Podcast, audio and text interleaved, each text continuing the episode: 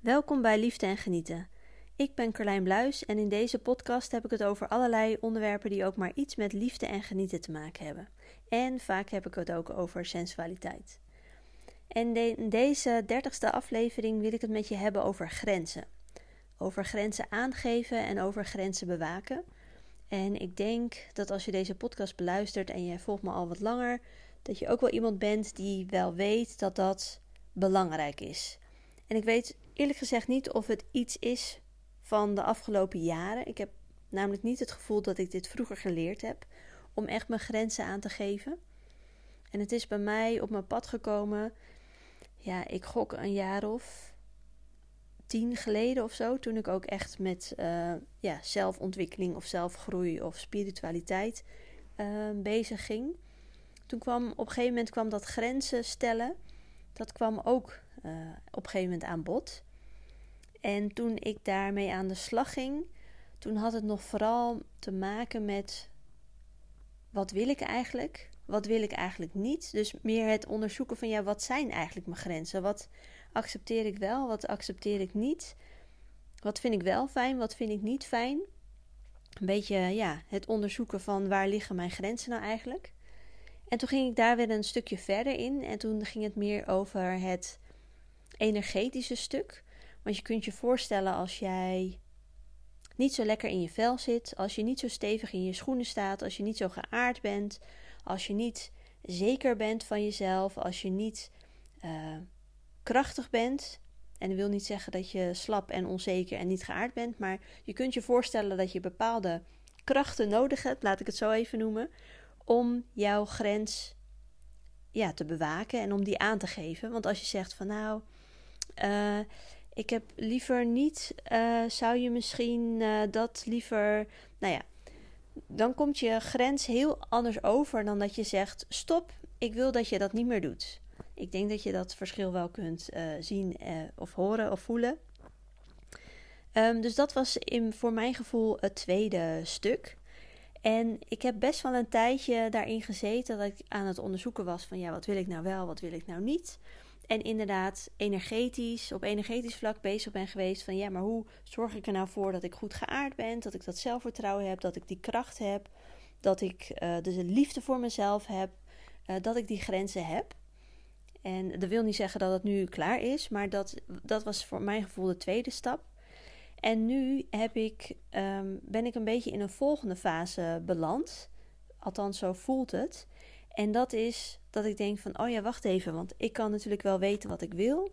En ik kan ook wel energetisch daarmee bezig zijn geweest. Maar uiteindelijk moet je het natuurlijk ook gaan communiceren naar de buitenwereld. Uh, wat je natuurlijk al wel al gedaan hebt. Maar ik merk dat ik daar een extra dimensie of een extra laag aan, aan het toevoegen ben voor mezelf. Omdat ik toch merk dat in veel gevallen ik wel weet waar mijn grens ligt en ik dat ook wel een soort van aangeef, maar niet in hele duidelijke communicatie, maar meer dat ik hoop dat ik met mijn gedrag op zo'n manier doe dat de ander kan ruiken dat daar de grens ligt. Misschien kan je die wel voelen en herkennen. Ik zit even te denken aan een voorbeeldje. Uh, stel, uh, je hebt geen zin om uh, in aandacht van je partner. En uh, je zit lekker op de bank een boekje te lezen en je partner die wil eigenlijk aandacht en die is de hele tijd tegen je aan het praten van uh, goh, hoe was jouw dag? Ik heb dit gedaan, ik heb dat meegemaakt. Hoe ging het uh, hier thuis of hoe ging het op jouw werk? En jij duikt elke keer weer terug in je boekje en tussendoor zegt ja, goed. En, en je antwoordt met twee of drie woorden en dan duik je weer terug in je boekje. En je partner die is nog steeds op zoek naar aandacht. En die stelt dus een volgende vraag. En dan geef je weer even kort antwoord en dan duik je weer in je boekje. Hier zijn nog heel veel andere uh, voorbeelden van. En misschien herken je dat wel. Um, en eigenlijk wil je dus zeggen met je gedrag van... hé, hey, luister, dit is een grens of dit is waar ik nu behoefte aan heb. Ik wil graag even lekker mijn boekje lezen. Maar in plaats van dat je zegt van... hé, hey, luister, wil je alsjeblieft je mond houden? En dit klinkt iets lulliger dan dat je het zou kunnen zeggen... Maar hey, luister, ik heb behoefte aan rust en ik ben even uh, mijn boekje aan het lezen. En straks, over een half uurtje of straks als we gegeten hebben of wat dan ook, dan vind ik het uh, prima om met je over de dag te praten. Maar nu zit ik even lekker in mijn eigen bubbel. Zou je me met rust willen laten? Daar zit een heel groot verschil in. En ik merk dus, als ik zo terugkijk naar hoe ik dat gedaan heb, dat ik vooral uh, bezig was met het eerste. Dus met um, non-verbale communicatie proberen duidelijk te maken wat mijn uh, grenzen zijn, of behoeften zijn, of verlangens zijn. En dat werkt uh, ten dele werkt dat natuurlijk. Want uh, ja, de meeste mensen zijn niet blind, die hebben het ook wel in de gaten. Of ze zijn niet blind en ze hebben het wel in de gaten, maar het is, het is niet dat ze stoppen omdat ze jouw grens respecteren, maar omdat ze zich omdat ze afdruipen, zeg maar. Omdat ze zoiets hebben van, oh, nou ja, als je zo doet, dan uh, hoeft het uh, van mij niet meer. Dus het is meestal niet een hele fijne manier van communiceren. Dus ik merk dat ik daar de afgelopen tijd veel meer mee bezig ben, naar mezelf aan het kijken van hé, maar hoe doe ik dat eigenlijk? Spreek ik het uit? En als ik het uitspreek, hoe duidelijk ben ik dan? En, en in hoeverre ga ik daarmee in gesprek met de ander? Dus dat is, um, ja, ik, ik merk dat ik daar zelf heel erg mee bezig ben. En ik had laatst ook een klant uh, bij mij. En ik merkte dat zij ook met hetzelfde uh, stukje bezig was. Dat ze daar al heel veel stappen in gezet had. Maar dat ja, het daadwerkelijk duidelijk zijn en het werkelijk uitspreken van die grens, dat dat nog wel een dingetje was. En dat dat toch wel vaak in niet concrete verbale communicatie uh, ging. En ondertussen pak ik weer even mijn aantekeningen bij, want ik had hier van alles weer over opgeschreven. Oh ja, ik had dus opgeschreven: eerst moet je dus weten dat die mogelijkheid er bestaat. Dat je grenzen aan kunt geven. Ik uh, was daar vroeger niet zo bewust mee bezig, eerlijk gezegd. Dan ga je dus inderdaad kijken naar de energie of de kracht en de overtuigingen die je hebt. En überhaupt dat je overtuigd bent van, oh ja, maar wacht even, ik heb het recht om mijn grenzen aan te geven. En de kans is groot dat als je naar deze podcast luistert, dat je deze twee fases al in bent gegaan, zeg maar. Uh, je moet dus ontdekken waar je grenzen ligt en wat je wel en niet wil. Maar daarna is het dus echt zaak om te gaan oefenen. En om te gaan kijken van ja, maar hoe doe ik dat? Op wat voor manier doe ik dat? En uh, doe ik dat dus op een non-verbale, eigenlijk passief-agressieve manier? Vaak is dat juist. Of doe ik dat op een open manier, op een, met een open communicatie? Um, ik zit even te denken of ik dit. Oh ja. Want wat ik gemerkt heb, waarom ik natuurlijk grijp en jij misschien ook wel naar het non-verbale ding, is dat je dus het aangaan van het gesprek een beetje lastig vindt. Want als jij gaat zeggen van dit zijn mijn grenzen of dit zijn mijn verlangens, wat natuurlijk heel erg op elkaar lijkt, um, dan kan die ander daarop gaan reageren. Dan kan hij zeggen van, nou, die kan vragen gaan stellen van waarom wil je dat niet? Of die kan zeggen van ben ik niet belangrijk genoeg? Wil je niet horen hoe mijn dag is geweest? Of uh, waarom mag ik niet bij je zijn? We houden toch van elkaar? Of nou ja, jouw grenzen, jouw verlangens kunnen nogal wat teweeg brengen bij de ander. En dat is denk ik een van de lastigste dingen van je grenzen aangeven. Niet dat je niet weet wat je wil, hoewel dat soms ook nog wel een beetje lastig kan zijn, maar daar word je steeds handiger in. Maar als jij een grens aangeeft en als jij een verzoek uitspreekt, want dat is misschien wel het betere woord, dan kan dat bij de ander iets teweeg brengen. Een gevoel van: ik mag hier niet zijn, ik ben te veel, ik word afgewezen, ik word hier boos van, ik word hier verdrietig van, ik raak hier gekwetst door, op wat voor manier dan ook. En ik heb dit al in eerdere podcasts uh, benoemd. Maar dealen met je eigen emoties is één ding. Maar dealen met ongemakkelijke emoties van een ander, ai, dat is nog wel een ander ding. Want wat als iemand verdrietig is, dan kun je iemand troosten. Maar wat nou als jij degene bent die de ander die tussen haakjes even ongewenste emotie heeft toegebracht? Dat is heel ongemakkelijk voor een mens.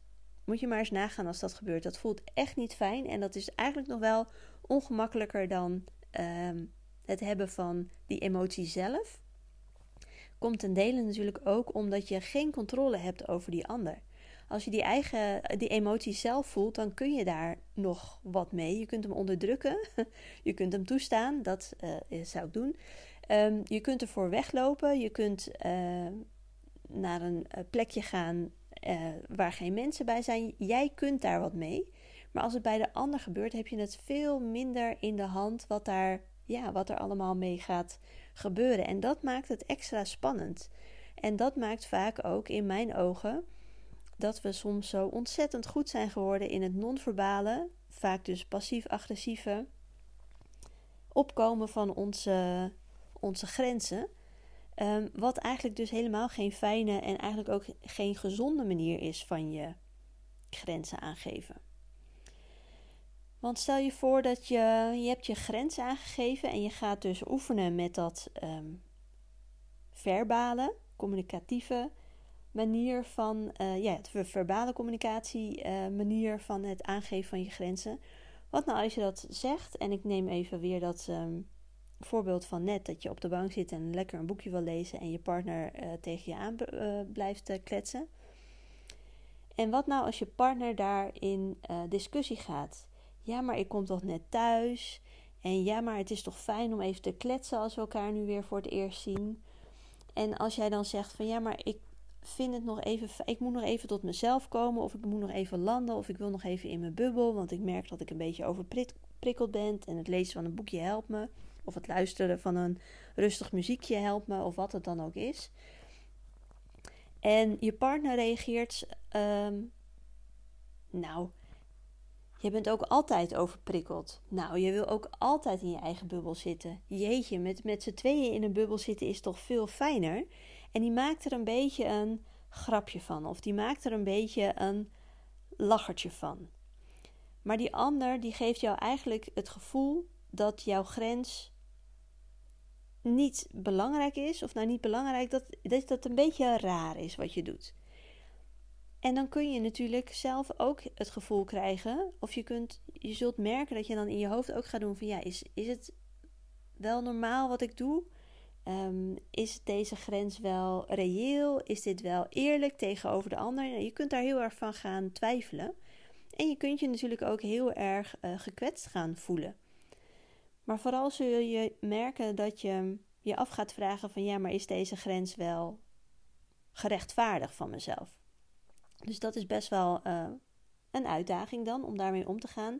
En om dan toch weer terug te gaan naar jezelf en te denken: ja, maar ik weet hoe ik me voel. Ik weet wat ik nodig heb. En wat ik nodig heb is nu geen gesprek. Wat ik nodig heb is even lekker rust. En dus um, ga ik die grens aangeven, ga ik dat vragen. Dus dat, dat is één ding die er kan gebeuren. Een ander ding die kan gebeuren is dat jij je grens aangeeft. Bijvoorbeeld, um, jouw partner komt thuis. En als jij, uh, jij bent thuis, ben jij ook druk bezig ben, uh, geweest met van alles. En jij staat even lekker rustig uh, te koken. Of je zit, zoals net het voorbeeld, even rustig op de bank. En jouw partner komt dus binnen met uh, bla bla bla bla. Dit is er gebeurd, dat is er gebeurd in het nieuws. En op mijn werk was het zo. Nou ja, er begint een hele stortvloed. En um, je hebt al een keer aangegeven van luister ik zou het fijn vinden als je niet je hele dag gelijk over me heen uitstort als we elkaar voor het eerst zien. Ik wil eerst dat we even rustig hallo tegen elkaar kunnen zeggen, dat we eerst even knuffelen of dat je eerst even je spullen opruimt en niet tegelijk je spullen opruimt terwijl je tegen mij aan het kletsen bent, maar dat we eerst even wat verbinding maken voordat we gaan kletsen. En dat heb je zo aangegeven aan je, aan je partner. En dan komt de volgende dag thuis, nou dan lukt het. En dan komt de dag daarna thuis, nou dan lukt het. Maar op vrijdagmiddag is het toch wel iets heel ernstig of iets heel iets meer gebeurd dan normaal. En dan komt thuis en hij gaat toch weer gelijk zijn stortvloed over jou uitbraken. Laat ik het zo maar even noemen. Dan kun je natuurlijk denken: hij respecteert mijn grens niet en we hebben het hier toch over gehad. Waarom doet hij dit nou? Maar de kans is groot dat die grens die jij aan hebt gegeven, dat die belangrijk is voor jou. Daar ga ik even vanuit dat het een grens is die belangrijk is voor jou. En je zult ook merken dat de ene grens wat belangrijker kan zijn dan een andere grens. Maar je merkt dat het voor jou echt heel erg belangrijk is. En dan kun je heel erg gekwetst voelen of heel erg ongezien of ongehoord. voelen als je partner dat na drie keer alweer vergeten is. Of misschien is het na de eerste keer alweer vergeten, maar dat hij het vergeet. Dan kun je natuurlijk boos worden en zeggen: joh, we hadden toch afgesproken dat we, Of je kunt weer terugschieten in het passief-agressieve gedrag. En, en een beetje zo oh, jezelf afsluiten en een beetje negeren. Nou ja, het voorbeeld wat ik net zei met het boekje op de bank. Dat kan. Maar je kunt je ook realiseren dat de grens die jij hebt aangegeven, dat dat jouw verzoek is, jouw verlangen is, jouw behoefte is. En dat dat een minder grote prioriteit is voor je partner of voor wie dan ook waar, deze grens, uh, waar je deze grens mee aangeeft. Dat betekent niet dat je partner of die andere persoon jou niet belangrijk vindt, maar het staat gewoon wat hoger op zijn of haar prioriteitenlijstje. Hij, hij of zij heeft daar geen, zelf geen last van en de kans is groot dat hij jou leuk vindt, dat hij jou uh, respecteert, dat hij jou aardig vindt en dat hij daarom prima met jou wil doen. Zeker als je daar gewoon uh, tekst en uitleg uh, bij kunt geven. Wat trouwens geen vereiste is, maar zeker als je daar gewoon een goed gesprek over hebt kunnen hebben. En dat hij dan toch vergeet. Um, ja, dat wil ik zeggen. Maar dat, maakt dus, dat wil dus niet zeggen dat hij jou niet belangrijk vindt. Maar dat is gewoon dat het voor hem dat stukje. Ja, dat het wat minder focus voor hem heeft. En dan kun je natuurlijk boos worden, maar, je, maar het fijnste om te doen is te zeggen van... hé, hey, luister, wij hadden dit afgesproken. En of je dat in het moment kan doen of dat je dat later doet, dat doet eigenlijk niet zo heel veel toe. Maar het gaat erom dat je ja, nogmaals in gesprek gaat van hé hey, luister, we hadden dit afgesproken. En ik merk nu dat je dat niet doet. En ik merk dat het bij mij heel, voor heel veel onrust zorgt. Of dat het mijn energie wegtrekt. Of wat het ook de reden is dat je, dat je die grens hebt aangegeven. Uh, maar het is dus helemaal niet verkeerd om nogmaals je verzoek uit te spreken om nogmaals je, je grenzen aan te geven, om nog, nogmaals je behoeften aan te geven. Dat heeft, nogmaals, dat heeft niets te maken met dat de ander jou daar niet mee zou willen helpen, dat hij het niet voor jou zou willen doen, maar puur omdat het voor die ander, ja, een andere, ja, op een ander lijst, het zit gewoon in een ander aandachtsveld. Dat is het. Um, dus dat, dat is een tweede ding wat kan gebeuren. En dan misschien nog wel um, het allerlastigste. Nou, ik moet zeggen dat ik dat vorige ook wel lastig vind hoor. Als je als je, je behoefte hebt uitgesproken en de ander lijkt het te, te, vergeven, uh, te vergeten, om het dan nogmaals uit te spreken. Maar stel nou dat je je grens aangeeft en je ziet dat dat een bepaald effect heeft bij de ander. En niet dan dat lacherige effect waar ik het net over had. Zo van, oh, wat is dit voor iets onbelangrijks. Maar je kunt zien dat die ander daardoor geraakt wordt. Dat die ander daardoor of verdrietig wordt, of bang wordt van, oh, ze wil me niet meer. Of um, boos wordt van, oh, en jij denkt alleen maar aan jezelf. Wat het en de vraag is dan of die ene persoon daadwerkelijk bang is of dat er nog wat anders onder zit. Maar goed, daar gaat deze podcast niet over. Maar het kan dus heel goed zijn dat als jij een grens aangeeft, dat dat een effect heeft op een ander. En, en dat daar, ja, even tussen haakjes, dus ongemakkelijke gevoelens bij komen bij die ander. En wat krijg jij dan? En dat is bijna een garantie dat je dat dan krijgt. Dan krijg je schuldgevoel. Wat ik net ook al zei, je eigen ongemak is niet fijn. Maar ongemakkelijke gevoelens bij een ander die jij tussen haakjes hebt veroorzaakt, uh, dat is echt heel vervelend. Want dat zorgt gewoon voor een schuldgevoel.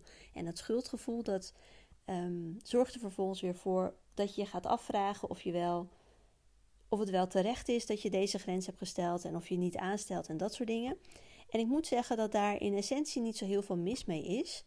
Want het laat je gewoon nogmaals overdenken van, oh, maar wil ik dit nou eigenlijk wel echt? En is dit ook wel eerlijk tegenover de ander? En is dit voor mij zo belangrijk? En je zult dan zien dat de conclusie vaak ja is. Maar het heroverwegen van je grens is, of, van je verzoek is helemaal, niet, is helemaal geen probleem. Um, maar dat schuldgevoel dat kan best wel lastig zijn. En ja, ik heb daar ook geen oplossing voor, behalve dat je daarmee mag dealen. Als jij een keuze maakt om een grens aan te geven en dat zorgt bij een, voor een ongemakkelijke emotie van de ander, dan kun je daar van alles mee doen, maar het zal zorgen, je zult vervolgens wel met dat schuldgevoel moeten dealen. En wat ik net al zei, van het is heel goed mogelijk dat je dan nog een keer gaat overwegen of dat het allemaal waard is. En als het je echt waard is, ja, dan heb je er gewoon mee te dealen. En dat is ook helemaal oké. Dan mag je gewoon met dat schuldgevoel mag je gewoon zijn. En dat, dat hoort er dan gewoon bij. Um, ik zit even te denken wat ik er nog meer over wil zeggen. Nou ja, dat maakt het vaak wel lastig. Ehm, nee, ik wil eerst nog wat anders vertellen. Want er is trouwens één boek wat ik heel erg kan aanraden als het gaat over uh, grenzen. En dat is het boek uh, Boundary Boss. Mm, het zal vast ook in het Nederlands zijn. En de schrijfster is Terry Cole. En uh, Cole is met C-O-L-E, Boundary Boss. En volgens mij is het dus ook in het Nederlands. En in haar boek geeft ze ook aan, en je hebt er mij ook een klein beetje over gehoord, dat er verschillende soorten grenzen zijn. En ik denk dat dat een belangrijk is om nog te benoemen in deze podcast. Want grenzen zijn in principe altijd ja, grenzen waar je graag wil dat andere mensen zich aan houden. Het zijn sowieso in principe altijd verzoeken. Het stellen van een grens, dat is heel erg allemaal leuk en aardig. Maar in principe doe je een verzoek aan iemand anders. Of die uh, jouw grens wil respecteren. Maar je hebt dus verschillende gradaties van grenzen. Er zijn grenzen die zijn wat flexibeler, zijn wat soepeler. En dan heb je grenzen die zijn hmm, misschien soms een beetje onderhandelbaar. Zeg ik dat goed? Ja, die kun je over onderhandelen. En er zijn ook gewoon grenzen die zijn gewoon niet onderhandelbaar. Dit is mijn grens en niet verder. En je kunt je voorstellen dat ehm, wat ik net al benoemde, zo'n grens, uh, dat als je even in je, je eigen rust uh, wil hebben en dat je even niet gestoord wil worden, dat dat een grens is waar meer flexibiliteit in zit dan een grens bijvoorbeeld um, dat je niet geslagen wil worden door je man. En misschien dat je, klinkt dit een beetje als een lullig uh, voorbeeld, maar je kunt wel voelen dat daar nogal een groot verschil tussen zit. En um, zo is dat op vele andere manieren. Dat, je, ja, dat er bepaalde prioriteit in jouw eigen grenzen zit. Dus um, weet ook dat dat bestaat. En weet dus ook dat, het, dat, er som, dat je zult merken dat sommige grenzen gewoon echt niet overschreden mogen worden um, voor jou, omdat ze gewoon te belangrijk zijn voor jou. En weet dus dat er grenzen zijn die ook voor jou iets minder belangrijk kunnen zijn en iets flexibeler kunnen zijn. En nou ja, dat soort dingen. Ik vond dat een. Ik had daar nooit zo over nagedacht. Ik dacht, oh, ik heb grenzen en die moet ik houden. En dat voelde een beetje rigide. Uh, maar toen ik dit boek las en er meer, uh, ja, meer over las, toen dacht ik, oh ja, er zijn natuurlijk dingen die zijn wat flexibeler aan grenzen. En er zijn wat grenzen die zijn gewoon absoluut niet flexibel. En dan het tweede wat ik nog wil melden, en ik denk het laatste wat ik wil melden in deze podcast. En dit heb ik vooral van Dr. Becky Kennedy en zij geeft uh, opvoedadvies. Hmm, ik weet niet of dat helemaal het juiste woord is, maar ze houdt zich bezig met ouders met kinderen en hoe je je kinderen opvoedt. Uh, dat is waarschijnlijk op een andere manier dan dat uh, jij opgevoed bent. Althans, het is een totaal andere manier dan ik opgevoed ben. En zij, gaat, zij is van het toestaan van emoties en er voor je kinderen zijn en veiligheid creëren voor je kinderen en ook emotioneel aanwezig zijn voor je kinderen. Maar zij heeft het dus ook heel erg vaak over grenzen. Zij doet ook niet aan uh, straffen en belonen. Misschien dat je nu denkt, huh, raar allemaal. Het is super interessant om te volgen als je kinderen hebt, maar ook als je niet kinderen hebt. Want wat ik van haar ook geleerd heb, en ik denk dat het ook in het boek van Terry Cole staat, mm, maar zij zegt ook als jij een grens aangeeft, dan moet dat in principe nul actie um, vereisen van de ander. En nou ja, in haar.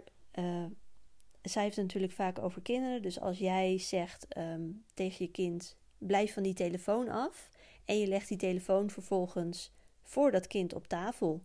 Dan is de kans groot dat het kind de verleiding niet kan weerstaan en dat hij alsnog de telefoon gaat pakken. Dan is die, jouw kind over die grens heen gegaan.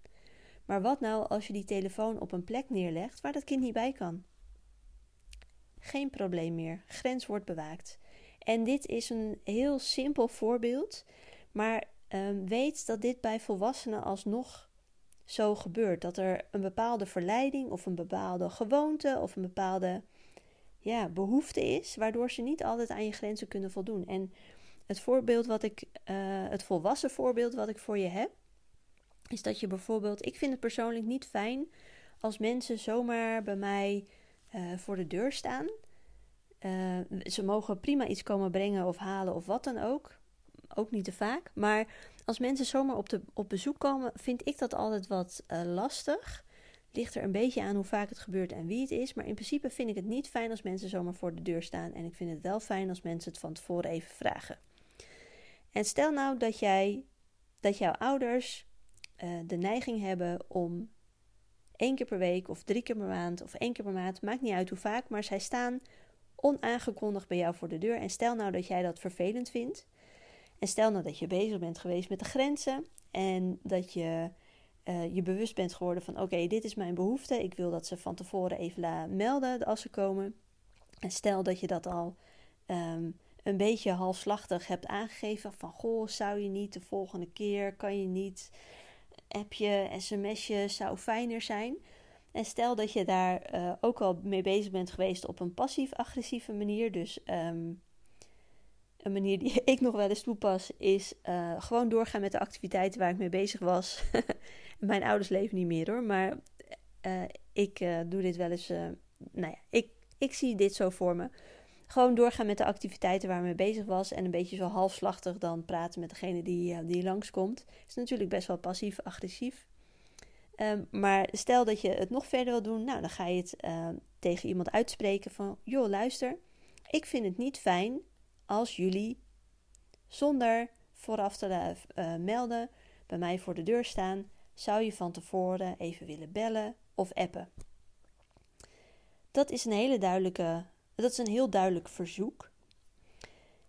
En um, nou, misschien dat het een keertje lukt, maar misschien dat ze dan een volgende keer toch weer onaangekondigd voor de deur staan, want we waren toch in de buurt en we dachten we kijken even of jullie er zijn. En het is mooi weer en gezellig en we hebben wat lekkers voor jullie meegenomen.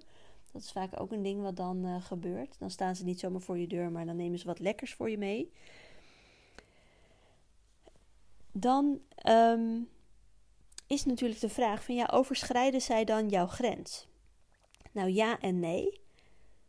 Zij overschrijden niet per se jouw grens, maar zij voldoen niet aan jouw verzoek. Jouw verzoek was: meld het van tevoren als je komt. Maar jouw grens, of je die gaat overschrijden of niet, dat is wat jij vervolgens doet. Want als jouw ouders dan toch onaangekondigd voor de deur staat en je laat ze binnen, wie is dan degene die de grens overschrijdt. Dat ben jij. Jij bent dan degene die zegt: Nou, kom dan toch maar binnen. Ook al voel je aan alles dat je het niet wilt. Als jij zegt: Kom dan toch maar binnen, dan ben jij degene die over jouw eigen grens heen gaat. En het is helemaal geen vingertjes wijzen en oh, dat doe je dan verkeerd. Maar voor mij was dit zo'n ongelofelijke eye-opener dat ik dacht: Oh ja, shit. Zij staan dan wel onaangekondigd voor de deur, maar ik laat ze alsnog binnen. En daaraan toegevoegd is er ook helemaal niks mis mee als, als dit een nieuwe grens is die je aangeeft. En ze staan toch weer een keer uh, onaangekondigd voor de deur. Om te zeggen van, goh, we hadden toch gevraagd uh, of je even wilde appen. Um, maar het is prima als je nu binnenkomt, maar weet dat als je dit een volgende keer doet en er komt die, dan ga je dus een consequentie geven, stellen, hoe zeg je dat, aan die grens. Dus je gaat hem uitbreiden.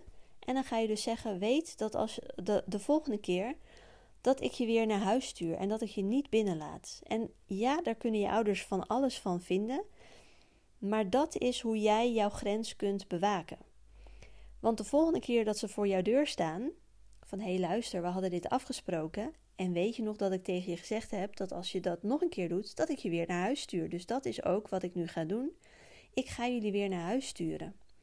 En dan kun je ter plekke nog een afspraak maken voor een volgende keer. Al is dat een uur later, of een dag later, of een week later, dat maakt allemaal niet uit. Maar dat is hoe je daadwerkelijk je grens bewaakt. Jij bent verantwoordelijk voor het daadwerkelijk bewaken van je grens. Dus jij bent verantwoordelijk of je ze wel of niet binnenlaat. En dit is natuurlijk allemaal leuk en aardig, want ik vertel dit gewoon. En uh, dit is een hele logische, tenminste in mijn oren is dat een hele logische theorie. Maar het doen is nog wel een uitdaging. En um, dat is eigenlijk waar ik deze podcast mee wil afsluiten. Want die uitdaging die zal blijven. En tegelijkertijd zal je er steeds beter in worden. Want het gaat dus niet alleen maar om weten wat je wil. Het gaat niet alleen maar om energetisch die kracht hebben om voor jezelf op te komen.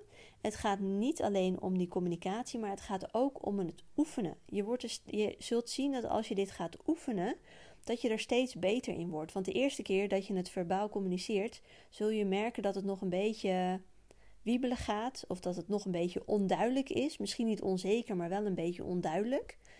Uh, want hoe duidelijker jij bent, hoe makkelijker het is voor de ander te begrijpen.